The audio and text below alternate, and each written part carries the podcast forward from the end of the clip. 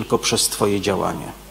Kiedy zaczniesz działać, moc się ujawni. Kiedy nie działasz, nie ujawni się. E, mm, ja mam w swoim samochodzie taki licznik, który mi sugeruje, ile mogę jeszcze przejechać na tym paliwie, na którym jadę. To jest bardzo dziwne, bo czasami czuję, jakby on chciał, nie wiem, czegoś mnie nauczyć albo mnie okłamać, bo jak porządnie nacisnę, to okazuje się, że e, ta ilość kilometrów, jaką mogę przemienić, to co kolejne 50 kilometrów zmniejsza się o 100 kilometrów. Ale jak jadę powoli, to nawet jak mi pokazuje, że mam do przejechania na tym 200 kilometrów, to zaraz pokazuje mi 400. Jak gdyby ten samochód próbował mnie jakoś edukować. Ale e, powiedzmy, że mamy zatankowany samochód. Masz moc, żeby dojechać do celu. I to, że masz tą moc, nie doprowadzi ciebie do tego celu, dopóki nie wsiądziesz, nie odpalisz i nie zaczniesz jechać w tym kierunku. Myślę, że jednym z największych kłamstw, jakie diabeł włożył w e, mentalność chrześcijan, to potrzebę nieustającego czekania na odpowiedni moment.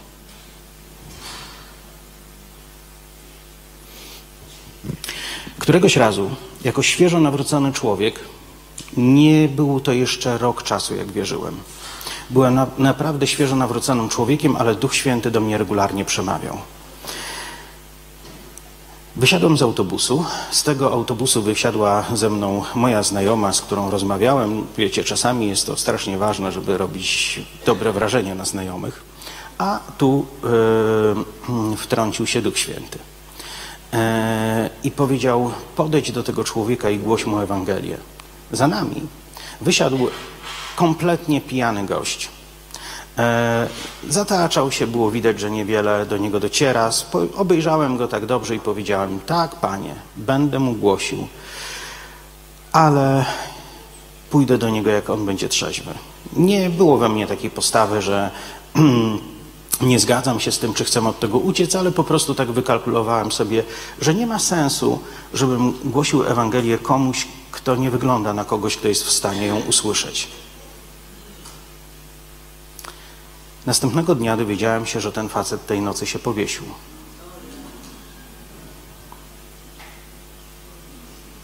Bóg wiedział, co robi. Ja nie. Wiecie, to wydarzyło się na początku mojego chrześcijaństwa. W tamtym czasie zrozumiałem, że od mojego posłuszeństwa może zależeć naprawdę czyjeś życie, czyjaś śmierć, a co gorsza, czyjeś wieczne przeznaczenie, bo być może mogę być jednym, jedynym narzędziem, które mogłoby zanieść Ewangelię danej osobie.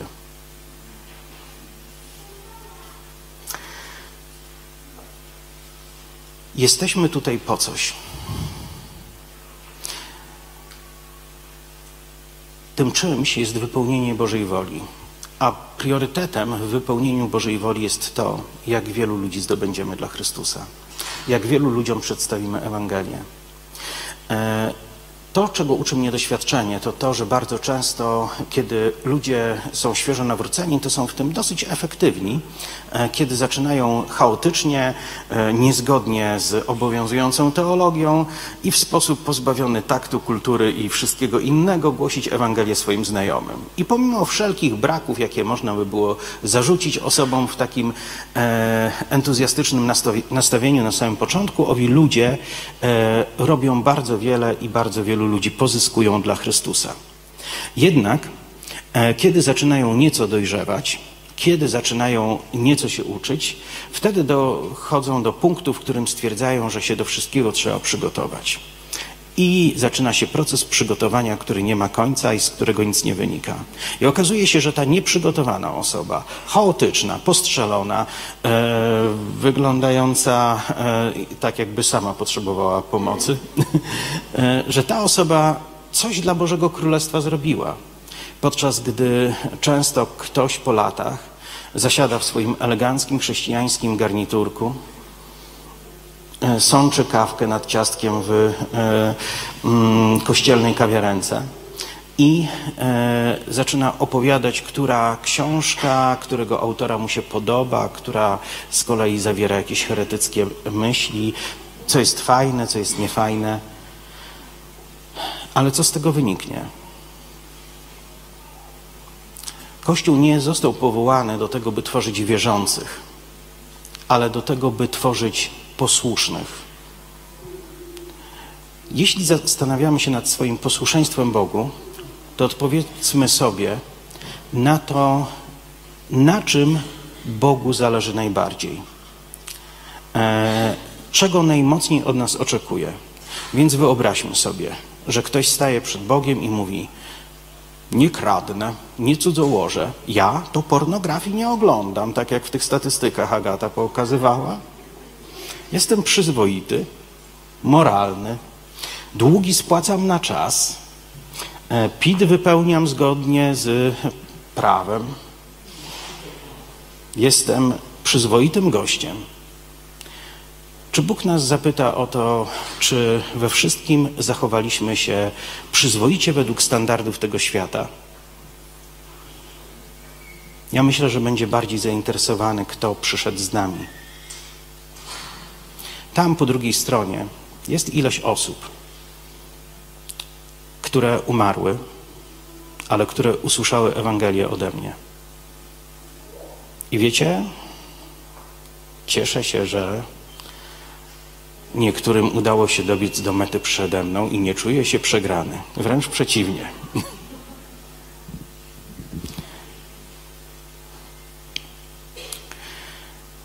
Każdy z nas może zrobić coś w kwestii naszego posłuszeństwa, a pierwszą odpowiedzialnością wierzącego człowieka jest pozyskiwanie dusz dla Królestwa Bożego. Chciałbym opowiedzieć Wam pewną historię sprzed lat. Kiedy, kiedy zobaczyłem na Allegro Nowy Testament w przekładzie Seweryna Kowalskiego, wydanie z 59 roku, kiedy spojrzałem na to, łzy zakręciły mi się w oczach, pomyślałem sobie, Biblii to mam kilka kartonów w, domie, w domu aktualnie, ale tą też muszę kupić. Wiecie z jakiego powodu? To jest dokładnie te same wydanie, identycznie wyglądający egzemplarz jak ten, nad którym siedziałem pod koniec 91 roku. Zacząłem go czytać w bardzo dziwnych okolicznościach. Byłem uzależniony, ćpałem, miałem kompletnie rozwalony organizm, a moi znajomi byli przekonani, że nie przeżyję tej zimy. Zajmowałem się okultyzmem, więc do nałogu, obłędu dodałem opętanie. Byłem totalnie schorowany. I czułem się jak osoba, która każdą decyzję, jaką podejmuje, jest błędna. Moje życie nie miało dla mnie sensu.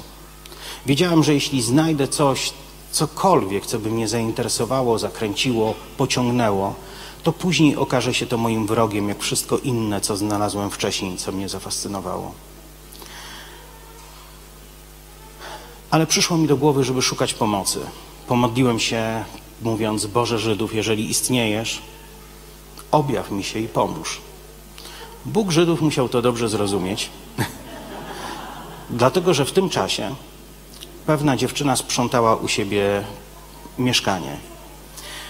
Na jej półce stał właśnie taki egzemplarz Nowego Testamentu. I za każdym razem, kiedy patrzyła na tą półkę, ten egzemplarz powiększał się i zmniejszał, zaczął pulsować przed jej oczyma. To bardzo przyzwoita osoba. Nigdy w życiu nie paliła, nie piła, nie ćpała.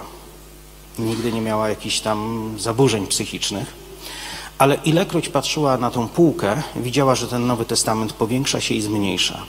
Ona nie była nawrócona. Ale Bóg postanowił użyć ją jako swoje narzędzie, by mnie pozyskać. Ta dziewczyna otworzyła ten Nowy Testament, wyciągnęła go z półki. To zachowanie tej książki zupełnie nienaturalne zaintrygowało ją.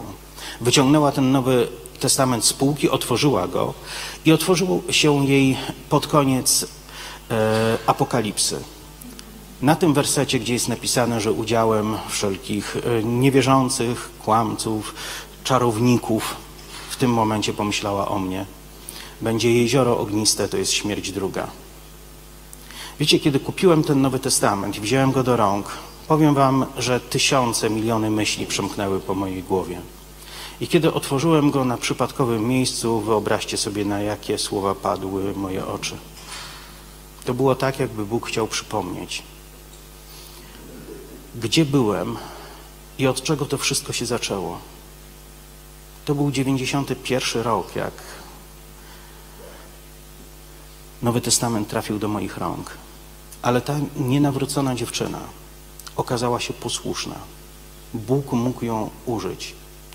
Była też pierwszą osobą, którą przyprowadziłem do Boga po tym, kiedy sam się nawróciłem. Kiedy myślę o tym, kim, czym byłem w tamtym momencie, kiedy Bóg posłał do mnie swoje słowo, by mnie uwolnić i uzdrowić, na pewno wtedy nie mógłbym sobie wyobrazić niczego z tego, co będzie działo się w przyszłości. Ale jestem w stanie sobie dzisiaj wyobrazić, że gdyby ta dziewczyna pomyślała sobie, to jest głupia myśl, ja tego nie czuję, nie chcę zachowywać się jak wariatka, to pewnie nie byłoby mnie na świecie, pewnie też te wydarzenie by się nie odbyło, pewnie wiele innych rzeczy, które miały miejsce, by nigdy się nie odbyły. Ona nie wiedziała, co robi. Tak samo jak ja. Często nie wiem, co robię. Ale wiem, że chcę być posłuszny Bogu. Nie wiem, co to uruchomi. Kiedy przychodzi do mnie jakaś myśl i mam wybór, pójść za tym lub nie. Jesteś osobą, która może uruchomić wydarzenia, które przerastają Twoją wyobraźnię. Któregoś dnia pewien żydowski oprych, strasznie wstrętna postać, ktoś, o kim można by, na kim można by było skupić trochę takich nieciekawych emocji, jechał sobie na koniu. I inny Żyd pacnął go tak bardzo, że ten spadł z konia. Ten leżący na ziemi Nienawidził chrześcijan, chłostał ich, torturował, przysłuchiwał, głosował za wyrokiem śmierci w momencie, kiedy były podejmowane decyzje podczas posiedzeń żydowskiego sądu.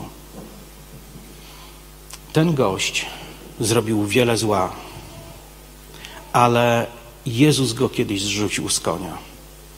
Ten facet oślepł. Kiedy znajdował się w Damaszku, Jezus pofatygował się do kogoś, kto nie pełnił żadnego urzędu w tamtejszym zborze. Do kogoś, kto jest nazwany pewnym uczniem. Jezus nie poszedł do pewnego apostoła, nie poszedł do pewnego pastora. Jezus nie poszedł do pewnego starszego zboru, nie poszedł nawet do e, pewnego diakona zboru, nie poszedł do, nawet wyobraźcie sobie, w tym e, Damaszku, nie poszedł do nauczycielki szkółki niedzielnej. Jezus w ogóle pominął całą hierarchię tamtejszego zboru i poszedł do pewnego zwykłego ucznia. I powiedział mu, Paweł, Szaweł modli się tam, w tym domu na ulicy Prostej i właśnie miał wizję. Ciekawe skąd to Jezus wiedział. Właśnie miał wizję, jak przychodzisz do Niego, Ty, Ananiaszu, Kładziesz na niego ręce, aby przejrzał i został napełniony Duchem Bożym. Ananiasz patrzy na Jezusa i chyba cieszył się z jego wizyty, ale zupełnie inne zdanie miał na temat tego, co Jezus chciał zrobić, więc upewnił się, czy Jezus jest aby dobrze doinformowany. Panie, słyszałem, jak wiele złego uczynił on braciom i tak dalej ale Ananiasz był posłuszny. Ananiasz był posłuszny i dzięki temu w świat został wypuszczony na, największy apostoł e, e, pierwszego wieku, jakim był Paweł. Dzisiaj, kiedy czytamy Nowy Testament, to jest to księga po pierwsze Jezusowa, po drugie Pawłowa dlatego że to są te dwie najbardziej wyraziste postacie w tej księdze. Jesteś pewnym uczniem i możesz sobie pomyśleć, co Bóg niby miałby przeze mnie do zrobienia. Na przykład powołanie kolejnego Pawła. Może, może być? Zgodzicie się z czymś takim? Wiecie co? Modlę się o tą dziewczynę, aby Bóg ją nagrodził za wszystko, cokolwiek zrobiłem od momentu, kiedy się nawróciłem. Dlatego, że miała w tym swój udział. I wiecie, myślę, że każdy z nas może mieć poważny wpływ na rzeczywistość dookoła siebie. To jest zależne od tego, czy patrzymy na siebie jako na tych, którzy mają wiedzieć, na tych, którzy mają wierzyć, na tych, którzy mają czuć, na tych, którzy mają przeżywać, czy też na tych, którzy mają czynić Królestwo Boże w praktyczny sposób tam, gdzie są.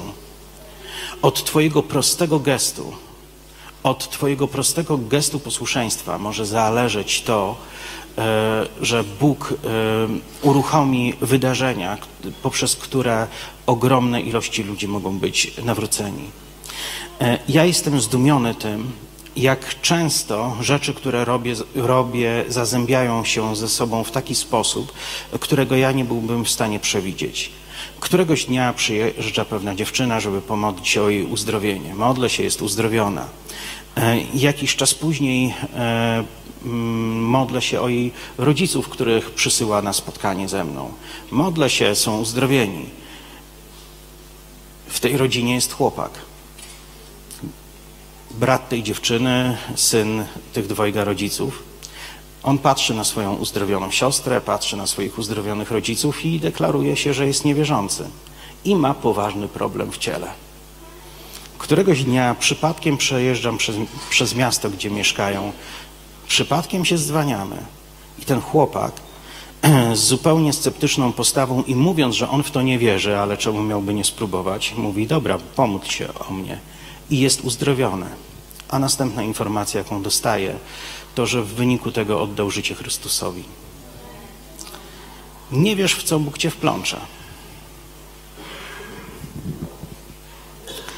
Nie wiesz, jakie rzeczy będą się działy. W którymś momencie, kiedy w wyniku naszych modlitw zaczęło się rodzić coraz więcej dzieci, wiecie, to nigdy nie jest tak, że to tylko modlitwa o tym przesądza. jak to ktoś powiedział z ruchu wiary, módl się i działaj w wierze. Więc modliliśmy się o wiele bezpłodnych par. Ja na dzisiaj myślę, że jest dobre kilkadziesiąt, możliwe, że w okolicach nawet pięćdziesięciu dzieci, które urodziły się e, e, z par, o które się modliłem.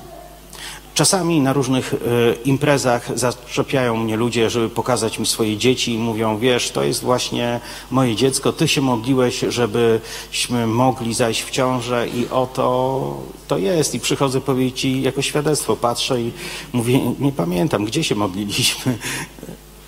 Ale wiecie co? Kiedy patrzę na te dzieci, to uświadamiam sobie pewną rzecz. To, co robimy, ma naprawdę wymiar życia i śmierci, nawet czegoś więcej. Ma wymiar wieczności. Odnosi się do kwestii potępienia i zbawienia.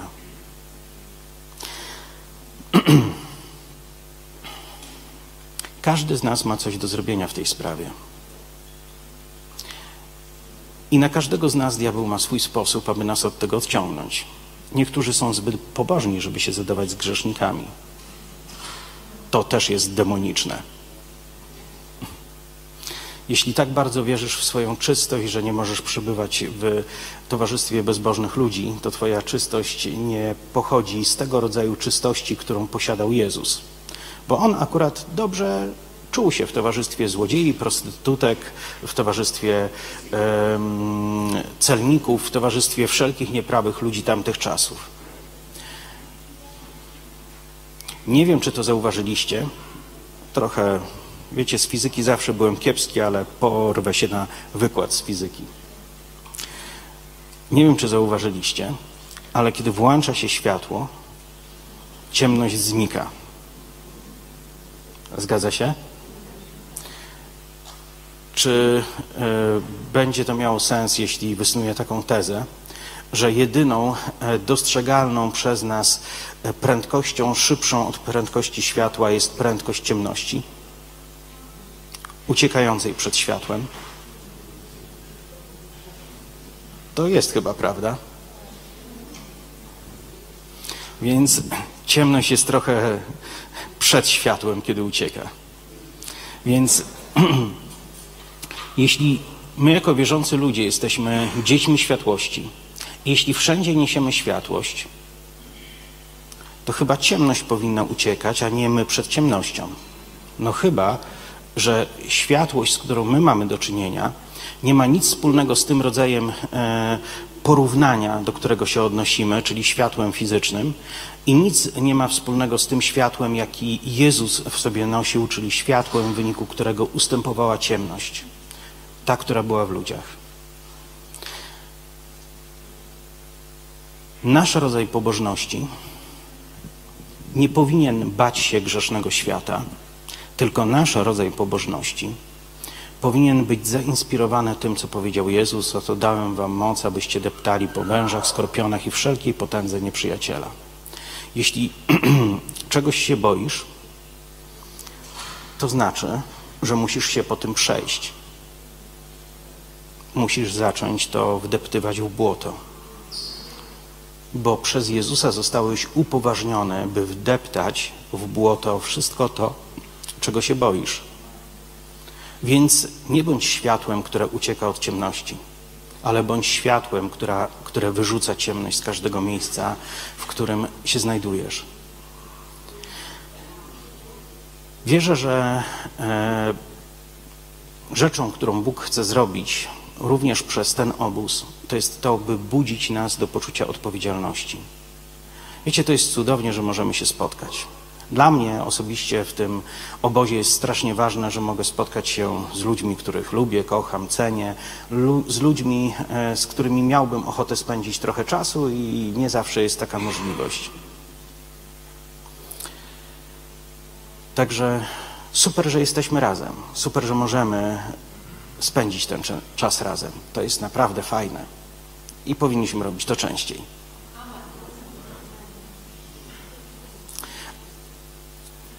ale powinno być to dla nas inspiracją do tego, abyśmy pomyśleli sobie, fajnie byłoby mieć jeszcze więcej przyjaciół. Fajnie by było iść do nieba w nieco szerszym towarzystwie. Fajnie by było, gdyby ci nasi znajomi w końcu się nawrócili, gdyby ludzie z naszych rodzin w końcu zaczęli się nawracać. A Bóg ma na to pomysł. Ten pomysł to wierzący ludzie, którzy zaczynają działać. Chcę zdradzić Wam pewną tajemnicę dotyczącą znaków i cudów. Kto chciałby oglądać znaki i cuda pod swoimi rękoma? Okej. Okay. Czy wierzycie, że e, mi się zdarza oglądać znaki i cuda? Zdarza się. Od czasu do czasu na ogół Widziałem wiele znaków i cudów. Cieszę się z tego. Ale powiem Wam, że to nie przychodzi poprzez to, że będziemy się modlić o znaki i cuda. Możesz modlić się o to w nieskończoność i kiedy będziesz modlić się o to 20 lat, to będziesz w takiej samej pozycji, w jakiej byłeś 20 lat wcześniej. Dlatego, że jest jeden, jedyny sposób na to, by wejść w rzeczywistość, w której Bóg czyni cuda. I to jest trochę trudniejsze niż modlitwa o to. I tym jednym, jedynym sposobem jest powiedzenie Bogu: Boże, będę robił wszystko, o czym wiem, że Ty chcesz, abym robił. Będę słuchał Twojego głosu i jeśli go usłyszę, zrobię to, co mi powiesz. Kluczem otwierającym drogę do znaków i cudów jest posłuszeństwo. Jezus powiedział: Idźcie, a ja będę z Wami. Co musimy zrobić, aby Jezus z nami poszedł? musimy pójść. Było dwóch takich, którzy szli sobie do Emaus i w którymś momencie, to był ich plan, w którymś momencie dołączył Jezus i poszedł z nimi. Możesz iść do sąsiada, w którymś momencie Jezus dołączy i powie, to ja idę z tobą. Możesz iść e, do kogoś, nie mając poczucia, że Bóg Ciebie posyła. Ale możesz powiedzieć, Boże, ja wiem, że mam głosić Ewangelię. Nie słyszę i nie wiem, do kogo mnie posyłasz, więc wiem, że głoszenie Ewangelii jest dobre każdemu, bo powiedziałeś głoście wszelkiemu stworzeniu. Więc ja idę. Jak chcesz, to dołącz tym razem. Ja czekam. To jest dobre? Naraża ciebie na obciach? No pewnie. Dobra. Kolejne pytanie. Czy to jest możliwe, że zrobisz z siebie głupka? A czy ci zdarzyło się już zrobić z siebie głupka? No super. To, to jest coś, co można usłyszeć tylko od tych, którzy mają doświadczenie posłuszeństwa za sobą. Bo ci, którzy nie zrobili z ciebie głupka, to nigdy nie próbowali nawet być posłuszni. O, zadam wam jeszcze jedno pytanie. A czy on jest tego wart? I to o to w tym chodzi. Wiecie, ten poczochrany brat nasz gdzieś z Ameryki, no chyba włosów nie myje, takie ma posklejane. On mówi o tym, że modlił się o tysiąc osób, zanim zobaczył e, pierwsze uzdrowienie. Dziękuję Bogu, że nie byłem w jego pozycji. Ale dzisiaj głośny na cały świat jest gość, który uznał, że warto zrobić z siebie idiotę, nażreć się obciachu tysiąc razy dla Chrystusa. Dlatego, że on wiedział, w którą stronę chce iść. Boimy się, wstydzimy, krępujemy. Mamy wiele różnych, najróżniejszych odczuć. Diabeł stoi obok nas i kręci niczym katarynką, żeby te odczucia wsączać w nasze wnętrze. Ale kiedy zaczynamy kroczyć w wierze, to my decydujemy, co będziemy obserwować. Wiecie, modliłem się e, z Arturem o kogoś e, i Artur powiedział taką ciekawą rzecz. E, kiedy skończymy modlitwę, zacznij wypatrywać oznak Bożego działania, a nie sprawdzaj, czy nic się nie zmieniło. Bo jeśli kończymy modlitwę, a ty chcesz sprawdzić, czy przez cały czas jest tak, jak było, to czym się kierujesz? Okay. Czy kierując się niewiarą nie odganiasz Bożego działania od siebie? Ale jeśli kierujemy się wiarą, to oczekujesz, wyczekujesz, że będziesz oglądać przełom, prawda? Bez względu na to, kiedy przyjdzie. Mieliśmy wiele takich doświadczeń, że przełom e, po modlitwie nastąpił nie w czasie modlitwy, ale na przykład następnego dnia, kiedy dana osoba obudziła się już zdrowa. Kiedy modlimy się, nie zadawaj sobie pytania, dlaczego to znowu nic nie dało. Ale, podejdź do tego w taki sposób. Tu ma miejsce przełom. On się zaczyna. Modliliśmy się i od teraz wiem, że sprawa się zmieni. Warto ten rodzaj modlitwy też do wielu innych spraw zastosować, nie tylko do modlitwy o uzdrowienie.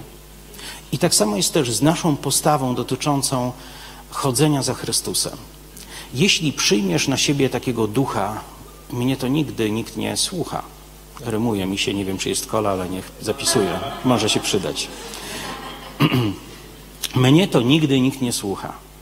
Ja to już jak coś powiem, no to tylko kupa śmiechu z tego jest. Albo, albo później w ogóle znajomi nie chcą ze mną żadnych kontaktów utrzymywać. Jeśli przyjmiesz do siebie taką postawę, że e, z Twojego głoszenia tylko negatywne rzeczy wychodzą, to wyobraź sobie, że Jezus przychodzi pobłogosławić Ciebie i powie Ci: Widzę, że jesteś wytrwały, naprawdę coś robisz, super. Niech Ci się dzieje według Twojej wiary. Czy my mamy działać w wierze? Czy my mamy działać w oczekiwaniu większego plonu?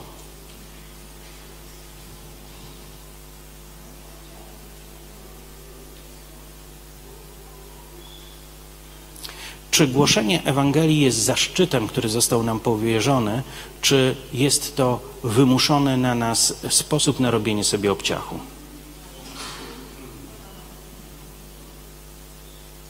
Czym to jest?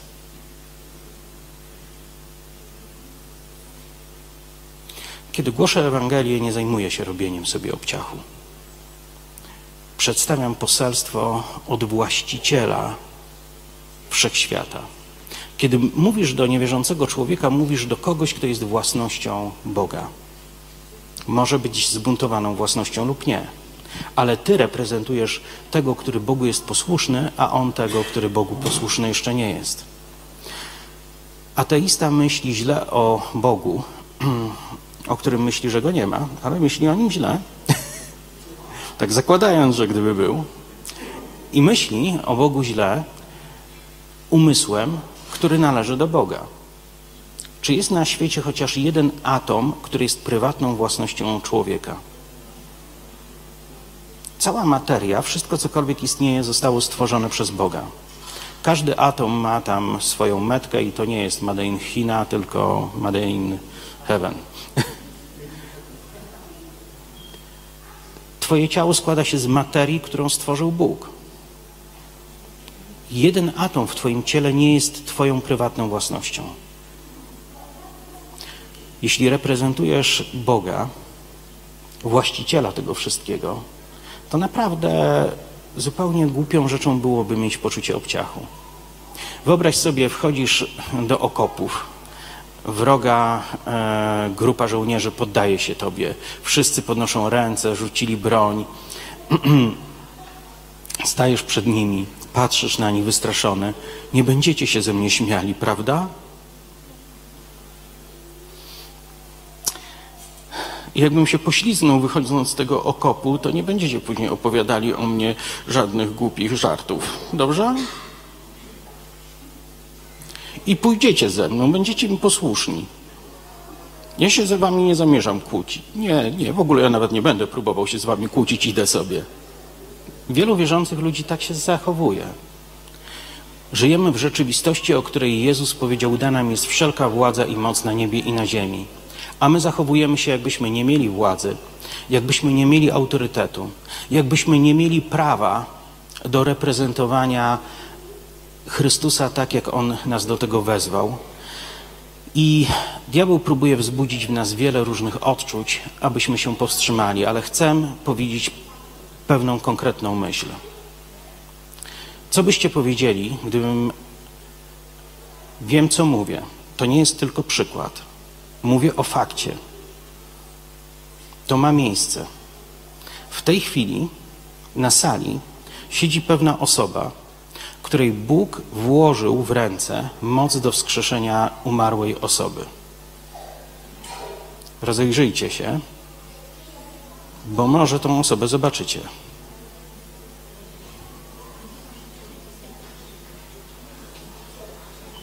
W zasadzie są na tej sali dwie takie osoby.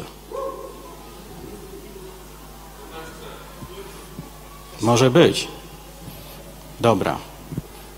W zasadzie nie ma tu takiej osoby, której Bóg by tego nie dał.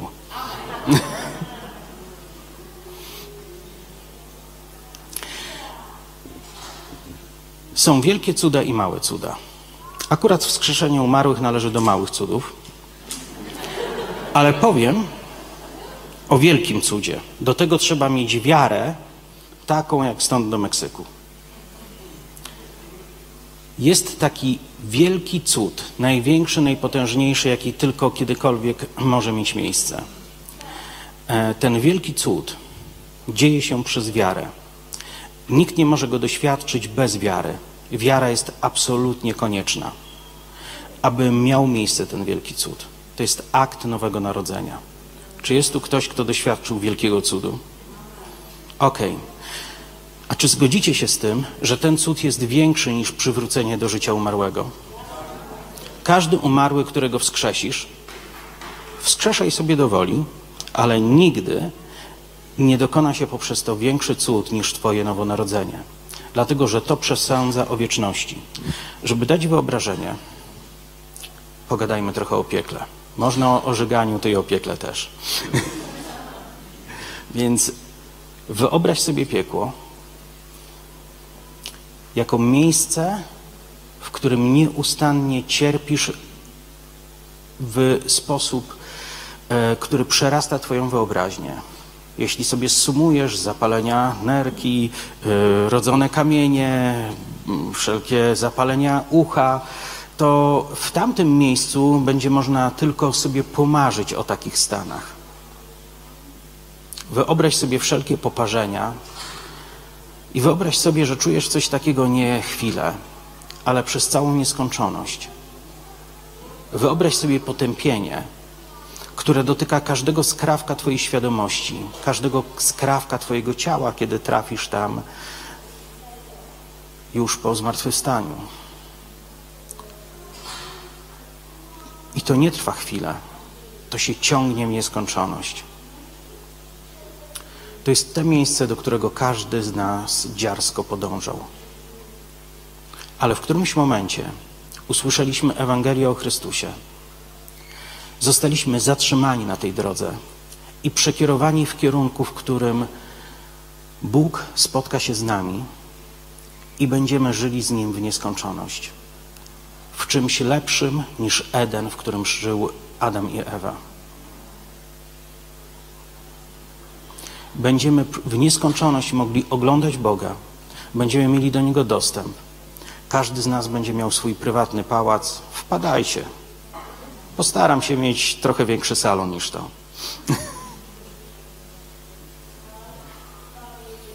Każdy z nas wejdzie w wymiar doświadczenia takiego dobra, takiej rozkoszy, takiej radości, jakiego tutaj nie jesteśmy w stanie nawet sobie wyobrazić, kiedy najmocniej wytężymy swoją wyobraźnię. Każdego dnia będziesz wiedział, że Bóg cieszy się z tego, że istniejesz. Każdego dnia będziesz wiedział, że jesteś radością Jego oczu, że jest zadowolony z tego, że Ciebie ma. Nie mówiąc o tym, jak Ty będziesz zadowolony z tego, że tam jesteś. To jest naprawdę wielki cud. Czy stać Was na wiarę w tak wielki cud? A z mniejszymi cudami możemy sobie poradzić?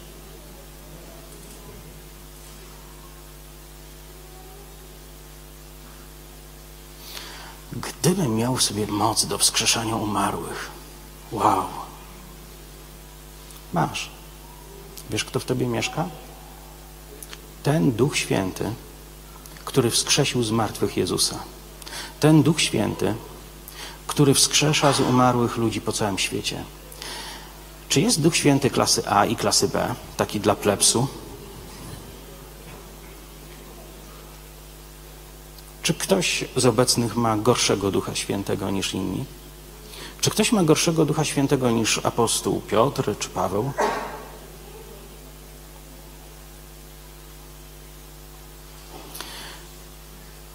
Czy ktoś z nas ma inne polecenie niż zostało dane im? Czy my również mamy pójść i zacząć zdobywać świat dla Chrystusa? I czy mamy obietnicę, że kiedy to zrobimy, On dołączy do nas i zaczną towarzyszyć nam znaki i cuda? Czy to jest prawda? Ja nie znam innego sposobu.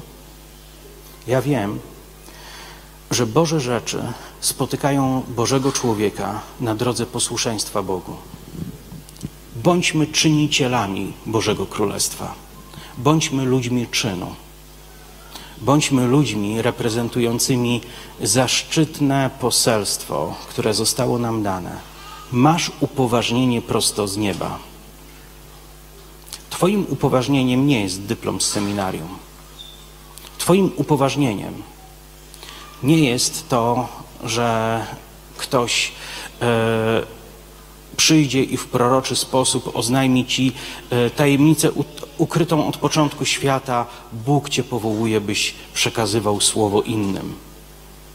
Nie potrzebujesz do tego proroctwa. Potrzebujesz do tego posłuszeństwa słowu. I wiecie, chciałbym, aby ten obóz i to, co robimy, aby służyło takiej inspiracji, abyśmy otrząsnęli się, abyśmy zaczęli wchodzić w ten praktyczny wymiar, dlatego że wokół nas żyją ludzie, którzy na wieki pójdą do piekła. Codziennie z nimi rozmawiamy, codziennie się ocieramy o nich, codziennie widzimy ich obok siebie. Śmiejemy, śmiejemy się z ich dowcipów, czasami dobrze się bawimy w swoim towarzystwie. I są to ludzie, którzy idą do piekła.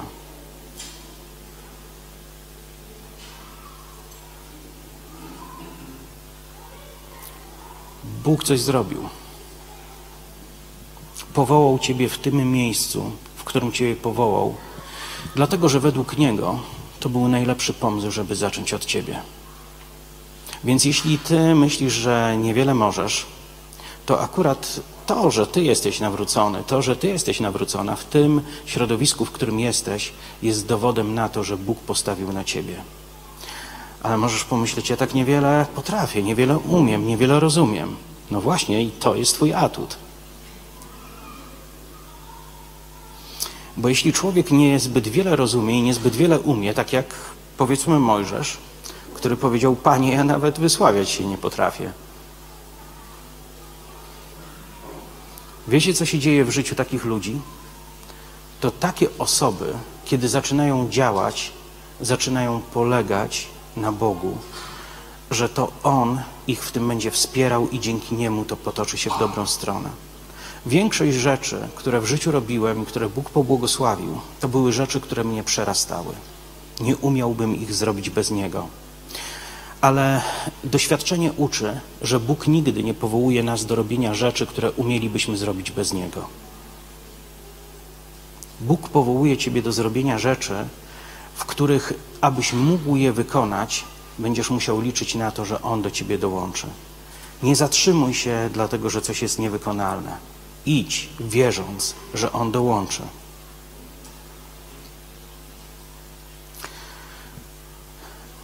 Czy jest tu ktoś, kto nieśmiało marzył o tym, żeby założyć wspólnotę w miejscu, w którym mieszka? Śmiało. Okej. Okay. A czy jest tutaj ktoś, kto założył wspólnotę tam, gdzie mieszka? Okej. Okay. Wiecie, co Wam chcę przez to powiedzieć?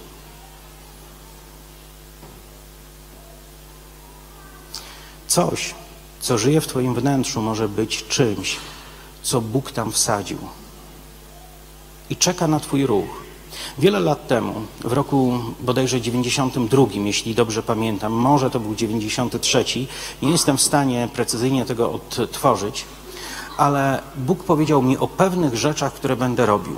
Powiedział mi, że częścią mego powołania jest nauczanie ludzi na temat nadprzyrodzonych darów Ducha Świętego, na temat funkcjonowania w uzdrowieniu.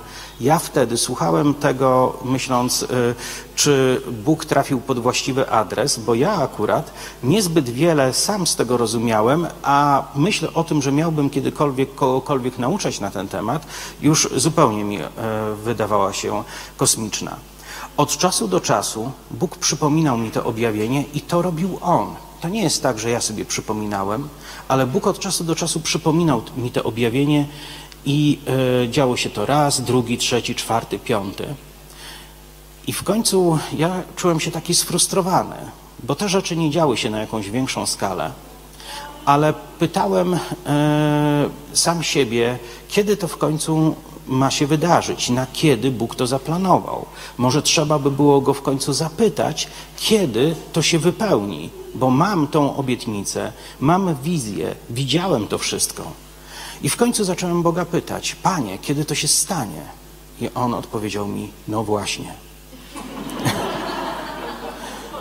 Powiedziałem ci, co masz robić, kiedy będziesz to robił. Wiele osób nosi w sobie objawienia tak, jak ja je nosiłem. Bóg ci powiedział, co masz robić, a ty to opowiadasz jak obietnicę i zastanawiasz się, kiedy to się wypełni.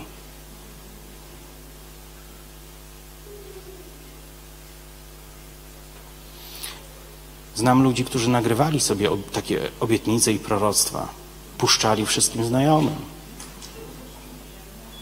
Do dzisiaj to przechowują od 20, 25 lat. czasami sentymentalnie wyciągają, puszczają na zjeździe rodzinnym i mówią: Pan tak powiedział, ciekawe, kiedy to się wypełni.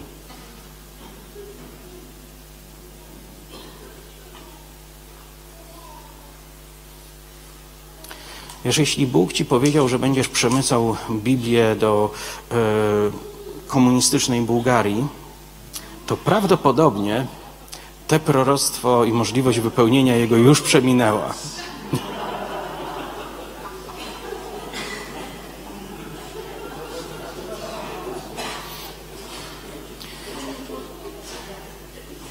Ale jeśli Bóg do ciebie coś mówi, pójdź w tym kierunku. Zacznij robić coś w tej sprawie.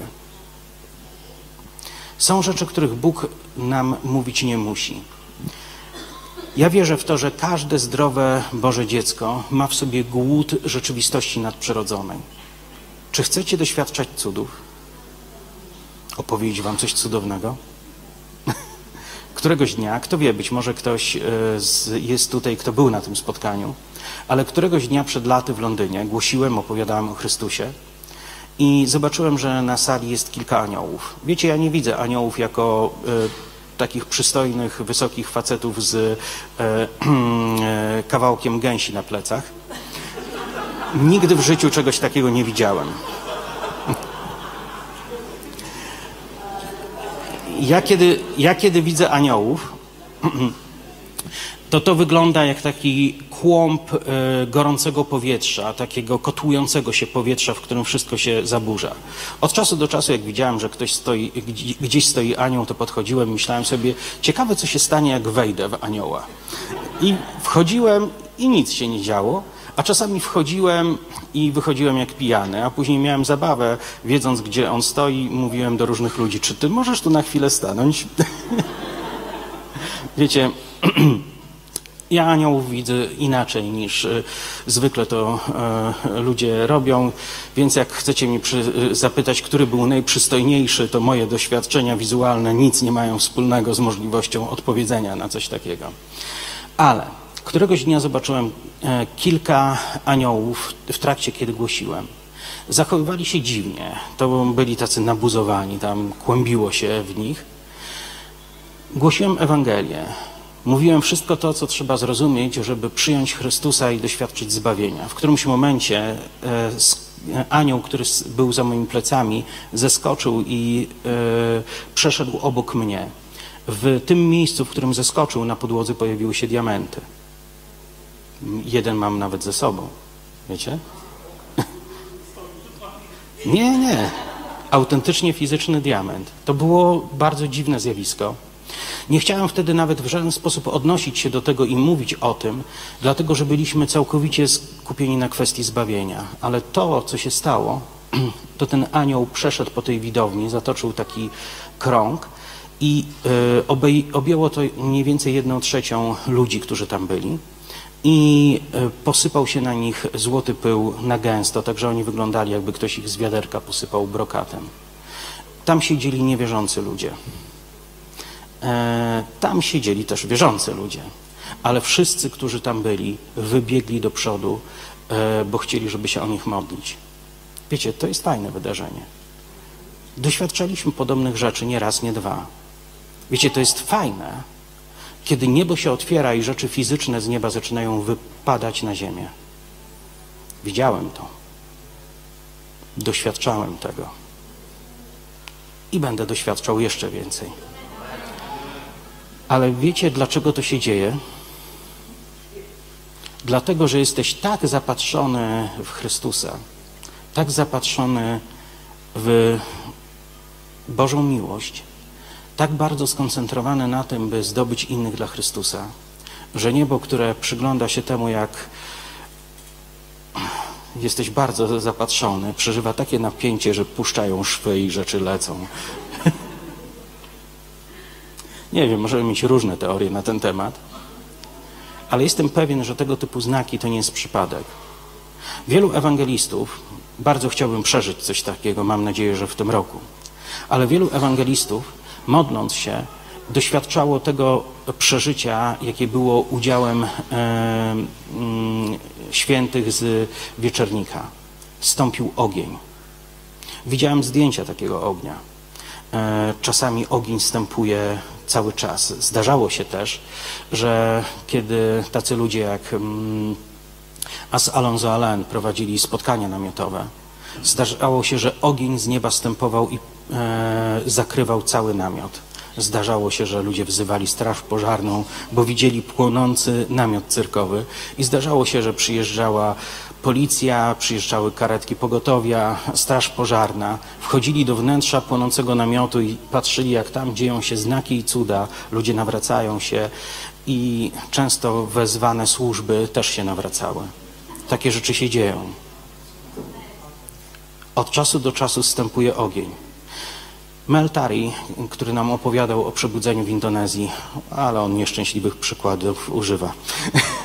ale Meltari, on na początku e, tego przebudzenia, on nie opowiedział tutaj tego tak precyzyjnie, jak e, e, zostało to opisane w jego książce, jak potężny wiatr. Ale oni na tym spotkaniu, na którym przeżyli chrzest w Duchu Świętym, przeżyli stąpienie ognia. Ten kościół został otoczony ogniem. Po tym ko kościele pełzały płomienie ognia. On cały był w ogniu i zewnątrz, i wewnątrz. I ci ludzie dotykali tego ognia, który stąpił z nieba. Wiecie, Bóg robi czasami dziwne rzeczy. Robi te dziwne rzeczy, by nam przypomnieć o tym, że naprawdę mamy do czynienia z kwestiami dotyczącymi wieczności. Wiecie, diament, który gdzieś mam w swojej eleganckiej czarnej torebce, to nie jest Wiecie, ja to bardzo doceniam. Mogłem wziąć ich więcej. Wziąłem jeden, ale ktoś by pomyślał, ktoś, kto czegoś takiego nie widział wcześniej, że to musiał być wielki cud. Dla mnie wielkim cudem jest ktoś, kto się nawraca. Wiecie, wolę jednego nawróconego tu niż taczkę złota z nieba.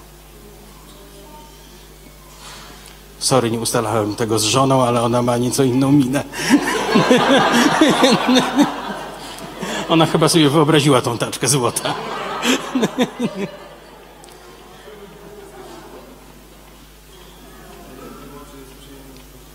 O, tak. Spoko. Przyjmijmy wersję, że jedno drugiemu nie przeczy.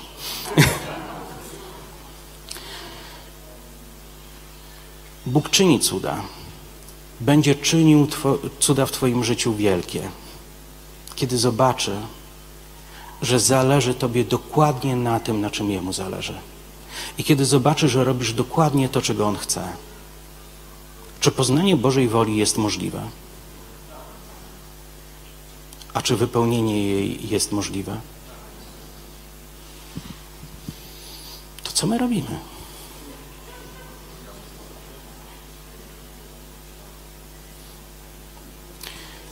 Czy mogę powiedzieć Wam coś w imieniu Jezusa? To znaczy w taki sposób, że ja powiem to, co On chce powiedzieć. Zróbcie sobie przysługę i światu. I stańcie się bohaterami tego dnia, tej godziny, tego miejsca, w którym Was postawiłem. Myślcie w potężny sposób działajcie w potężny sposób i bądźcie potężnie błogosławieni. Nie wycofujcie się.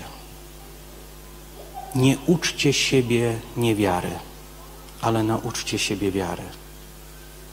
Kiedy będziesz działał w wierze, będziesz działał w oglądaniu tego, co przychodzi z nieba. Czy jest tutaj taka osoba, która podejrzewa, że Jezus chciałby, żebyś był nikim?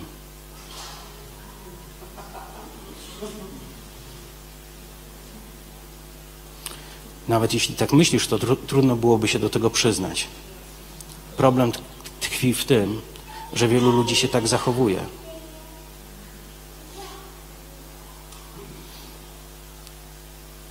Kiedy on patrzy na ciebie, widzi bohatera tego dnia, bo, widzi bohatera tego miejsca,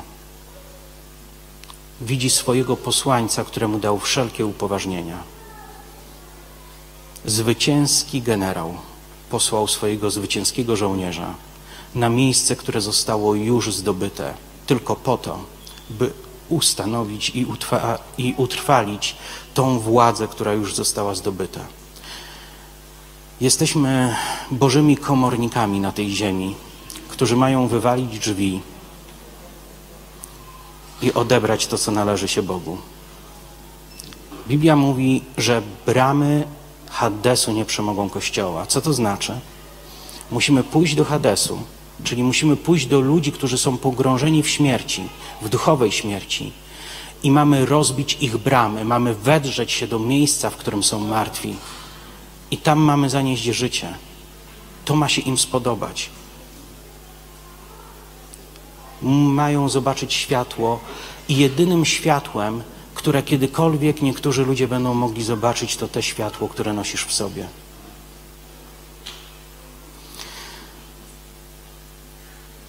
Jeszcze raz. Pamiętacie tą wizję, o której opowiadałem? O dwóch facetach gadających ze sobą o lodówce. To byli niewierzący ludzie. Ale wyobraźcie sobie coś innego. Wyobraźmy sobie taką krainę. Przenieśmy się w zupełnie abstrakcyjny świat. Wyobraźmy sobie taką krainę, gdzie dookoła ludzie cierpią i umierają. Wszyscy są chorzy, wszyscy są umierający. Wszyscy są cierpiący, obrzodzeni, ociekający, y, uchodzącą ropą i krwią z ich ciał. Jest taka grupa ludzi, którzy znaleźli cudowny sposób, żeby to rozwiązać. Skorzystali z tego i mają się dobrze. Chodzą między tamtymi, cieszą się ze swojego stanu, cieszą się, że mają to już ze sobą. Nigdy nie powiedzą im o tym, jak można by było się uratować, bo to w końcu jest nasze doświadczenie. Oni żyją nieco innym życiem i to jest ich sprawa. Nie powinniśmy im za bardzo w tym przeszkadzać, a nuż widelec nas wyśmieją i obciach z tego będzie. Czy my możemy się tak zachowywać? Wiecie co? Obudźmy się. Powiedzmy to razem. Jestem tutaj po to, by stanąć na drodze ludzi idących do piekła i zatrzymać ich i zabrać ich w przeciwnym kierunku. Czy to jest prawda? Po co tu jesteś?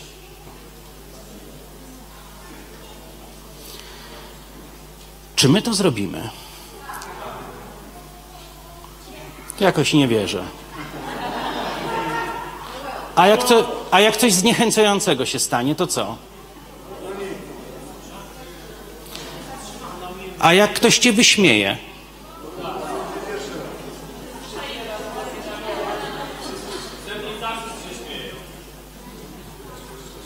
A jak się źle poczujesz po takiej rozmowie?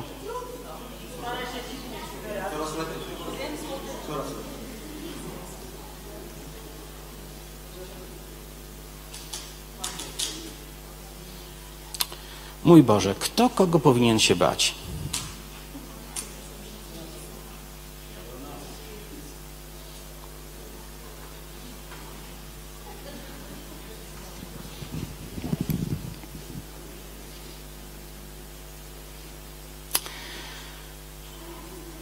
Kiedy działamy jako wierzący ludzie, kiedy z radością poddajemy się prowadzeniu Ducha Świętego,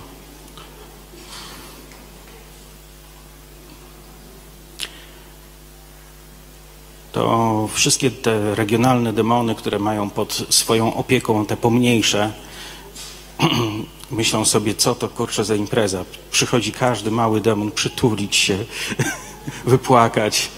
Normalnie jak na warsztat. Nie, nie, nie, nie.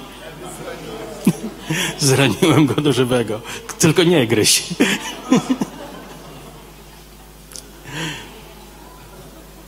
Powinieneś doprowadzić swojego demona do załamania psychicznego. Powinieneś za każdym razem, kiedy robi coś przeciwko tobie, pokazać, że nie jesteś tutaj, by robić to, czego od ciebie chce, by zatrzymywać się w momencie, kiedy próbuje ciebie zatrzymać, ani by zaprzeczać jemu, kiedy chce ciągnąć ciebie w jakąś gierkę. Rób to, czego chce od ciebie Bóg, a zobaczysz, jak demony wokół ciebie dostają paranoi, jak demony wokół ciebie załamują się, jak dostają histerii. Wiecie, widziałem demony w histerii. Wiecie, od czasu do czasu demon się tak załamuje, że dla niego nie ma znaczenia, czy to, co robi, jest widoczne, czy niewidoczne. To są takie sytuacje, w których zaczynają latać przedmioty w mieszkaniach, zaczyna być słychać głosy, bo to i różni ludzie to słyszą. Niektórzy mówią, że to są nawiedzone domy. To nie są nawiedzone domy. To jest dom, w którym akurat znajduje się demon, który e, dostał załamania psychicznego. Gdyby istniał psychiatryk dla demonów, to demony, które są skrajnie załamane, siedziałyby w takich miejscach. I e, to jest w ogóle kosmiczne. Ja rozumiem, że niewierzący mogą tak rozumieć tego typu wydarzenia. Ale jeśli chodzi o nas wierzących, to powinniśmy zdawać sobie sprawę, że kiedy widzimy, że demon się wprost e, manifestuje i nie potrafi się powstrzymać przed ukrywaniem, co jest ich atutem, to to świadczy, że przeżył już tak głębokie załamanie psychiczne, że takiego to tylko już nawet e, obcasikiem od szpilki można wgnieść w błoto. Nie musisz wcale glanów zakupywać w tej, w tej kwestii. Jesteśmy częścią zwycięskiej armii, ale coś nam mąci w głowie, żebyśmy zachowywali się tak, jak gdybyśmy nie byli godni tej pozycji. Jakby to nie było dla nas. Jakbyśmy musieli się wycofać po każdym strzale w naszym kierunku. To nie jest nasze przeznaczenie. Kiedyś nienawrócona dziewczyna przyniosła do mojego domu taką księgę. Ta księga zmieniła wszystko. Bez tych słów, które tu znalazłem, pewnie siedziałbym dzisiaj już w piekle. Ale te słowo ma moc, te słowo jest święte. Wypełniaj swoje wnętrze tym słowem, a wypełnisz swoje ziemskie naczynie niebem. I niebo będzie chodziło po ziemi w tobie. Przyjmij wszystkie postawy, do których Bóg ciebie wzywa kiedy zobaczysz diabła, który ci się stawia, spójrz na niego z góry i powiedz, nie wiesz do kogo fikasz, chłopcze. Wiesz, kto za mną stoi? Kto dał mi upoważnienia? Lepiej, zamiast wierzgać, przeszedłbym już do stanu załamania na Twoim miejscu. Nieugięci wierzący zmaltretują demony wszędzie, gdziekolwiek je znajdą. Ale chwiejni wierzący mogą przez całe życie przed nimi uciekać. Powiedzmy to razem. Jestem zwycięską armią Chrystusa. Moje zwycięstwo jest postanowione. Moje zwycięstwo jest dokonane w Chrystusie. Chrystus dał mi fragment swojego zwycięstwa. Nikt nie może zatrzymać Jego zwycięstwa. Biorę to przez wiarę. Amen. Czy wy czasem nie kłamiecie? Czy to, co mówimy, jest prawdą? Wiecie, w jaki sposób sprawdzić, czy naprawdę w to wierzymy? Trzeba zacząć działać w zgodzie z tym. Zrobimy to? Wiecie, moje dzisiejsze przesłanie jest trochę inne niż normalny styl mojego mówienia. Ale naprawdę zależy mi na tym, żeby wydarzyło się coś duchowego. Ja mam poczucie, że porusza się między nami Boża obecność. I że naprawdę możemy te rzeczy zapieczętować w sobie. Naprawdę możemy to wchłonąć w siebie, tak aby stało się to częścią nas. Jesteś, by zdobywać ludzi dla Chrystusa. Załóż wspólnotę, jeśli nie masz dokąd chodzić. Jeśli chcesz, żebyśmy pomogli Ci w założeniu wspólnoty, albo jeśli już zaczynasz coś robić. Śmiało zgłoś się do mnie dzisiaj albo jutro. Wymieńmy się namiarami. Chętnie usłużę tą wiedzą, którą mam. Może zorganizujemy jakieś spotkanie dla ludzi, którzy chcą zakładać kościoły. Jeśli chcesz coś robić, rób to. Boże Królestwo zostało powierzone w Twojego ducha nie po to, by tam leżało jak zegarek babci w szufladzie, ale Boże Królestwo zostało powierzone Tobie, by wyjść z Ciebie i zmienić świat, w którym żyjesz, w tym miejscu, w którym żyjesz. Wstańmy i pomódlmy się. Zróbmy to w sposób szalony. Pomódlmy się, żeby wszystkim innym, którzy tu są, wyszło. Pomódl się o każdą osobę, która tutaj jest, a wszystkie inne osoby odwdzięczą Ci się tym samym. Pobłogosławmy siebie nawzajem jako ciało Chrystusa, by nasze życie tutaj nie przechodziło bez owocu, ale byśmy nieustannie pozostawiali po sobie ślad, który będzie powodował, że demony będą bardziej załamane, a Bóg bardziej szczęśliwy. Ojcze, ja błogosławię każdą osobę, każdą kobietę, każdego mężczyznę, który tutaj jest. Ojcze, błogosławię te wszystkie osoby, które noszą w sobie naturę Chrystusa, które noszą w sobie Twojego świętego ducha. Panie, Ty powołałeś ich po to, aby zmienili rzeczywistość. Panie, postanowiłeś zamanifestować się przez nich tym wszystkim ludziom, z którymi mają kontakt. Panie, Ty włożyłeś w nich moc zmartwychwstania. Panie, w ich sercach jest moc do wskrzeszania umarłych, moc do powoływania do życia tych, którzy są w duchowej śmierci. W ich życiu jest moc do uzdrawiania chorych, do wypędzania demonów. Panie, w każdym z nas jest Twoja obecność, która jest wystarczająca, by przemienić świat. Ale teraz, Ojcze, modlę się o to, aby zostało to ożywione, abyśmy mogli obudzić się do świadomości tego, co mamy w Chrystusie. Panie, modlę się o to, abyś uczynił nas czynicielami Twojego Królestwa na ziemi. Tymi, którzy w posłuszeństwie Tobie, posłuszni Twojemu duchowi, posłuszni Twojemu słowu, przemieniają świat, bo po to tu jesteśmy. Nikt z nas nie został powołany, by być ozdobą tylko w Bożym Królestwie. Nikt z nas nie został powołany, by być. Hmm, martwą tyczką w tym królestwie, ale każdy z nas ma przynieść owoc przez wzgląd na imię Jezus i chcemy swoje dziedzictwo, chcemy oglądać jak dziedzictwo, które zostało w nas złożone działa, chcemy oglądać jak nawracają się kolejni ludzie, chcemy oglądać rzeczy przełomowe, chcemy oglądać rzeczy, o których nigdy nie słyszeliśmy do tej pory, że się w czyimkolwiek życiu wydarzyły. Ojcze, chcemy być zaskoczeni tym, że kiedy przybliżasz się do ziemi, dzieją się rzeczy, które przerastają wyobraźnię i nie mają precedensu w historii. Ojcze, modlimy się o Polskę.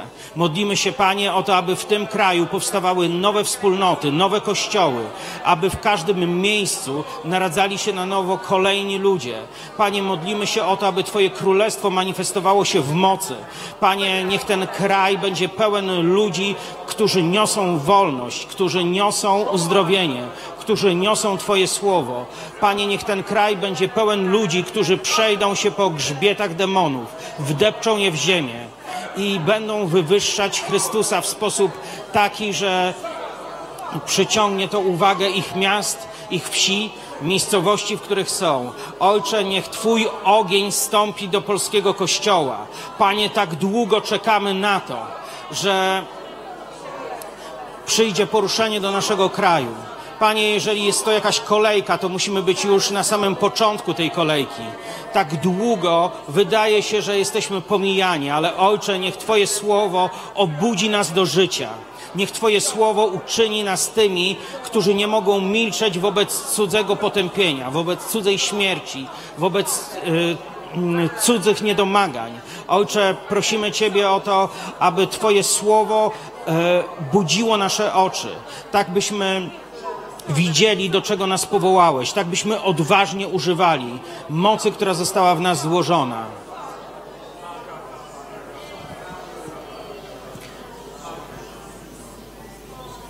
Zróbmy to razem. Powiedzcie to za mną. Jak się z tym nie zgadzasz, to po prostu wzięliśmy cię przemocą.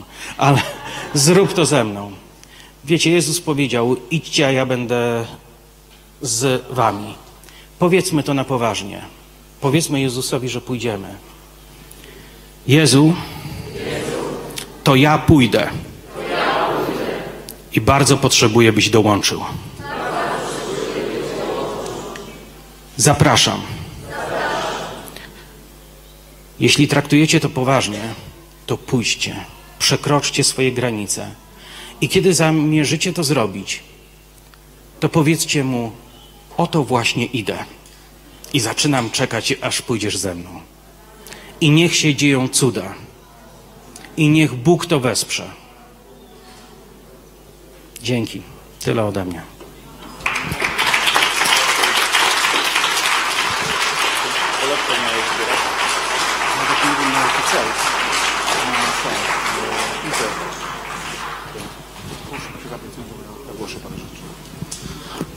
Okej, kochani, za chwilę się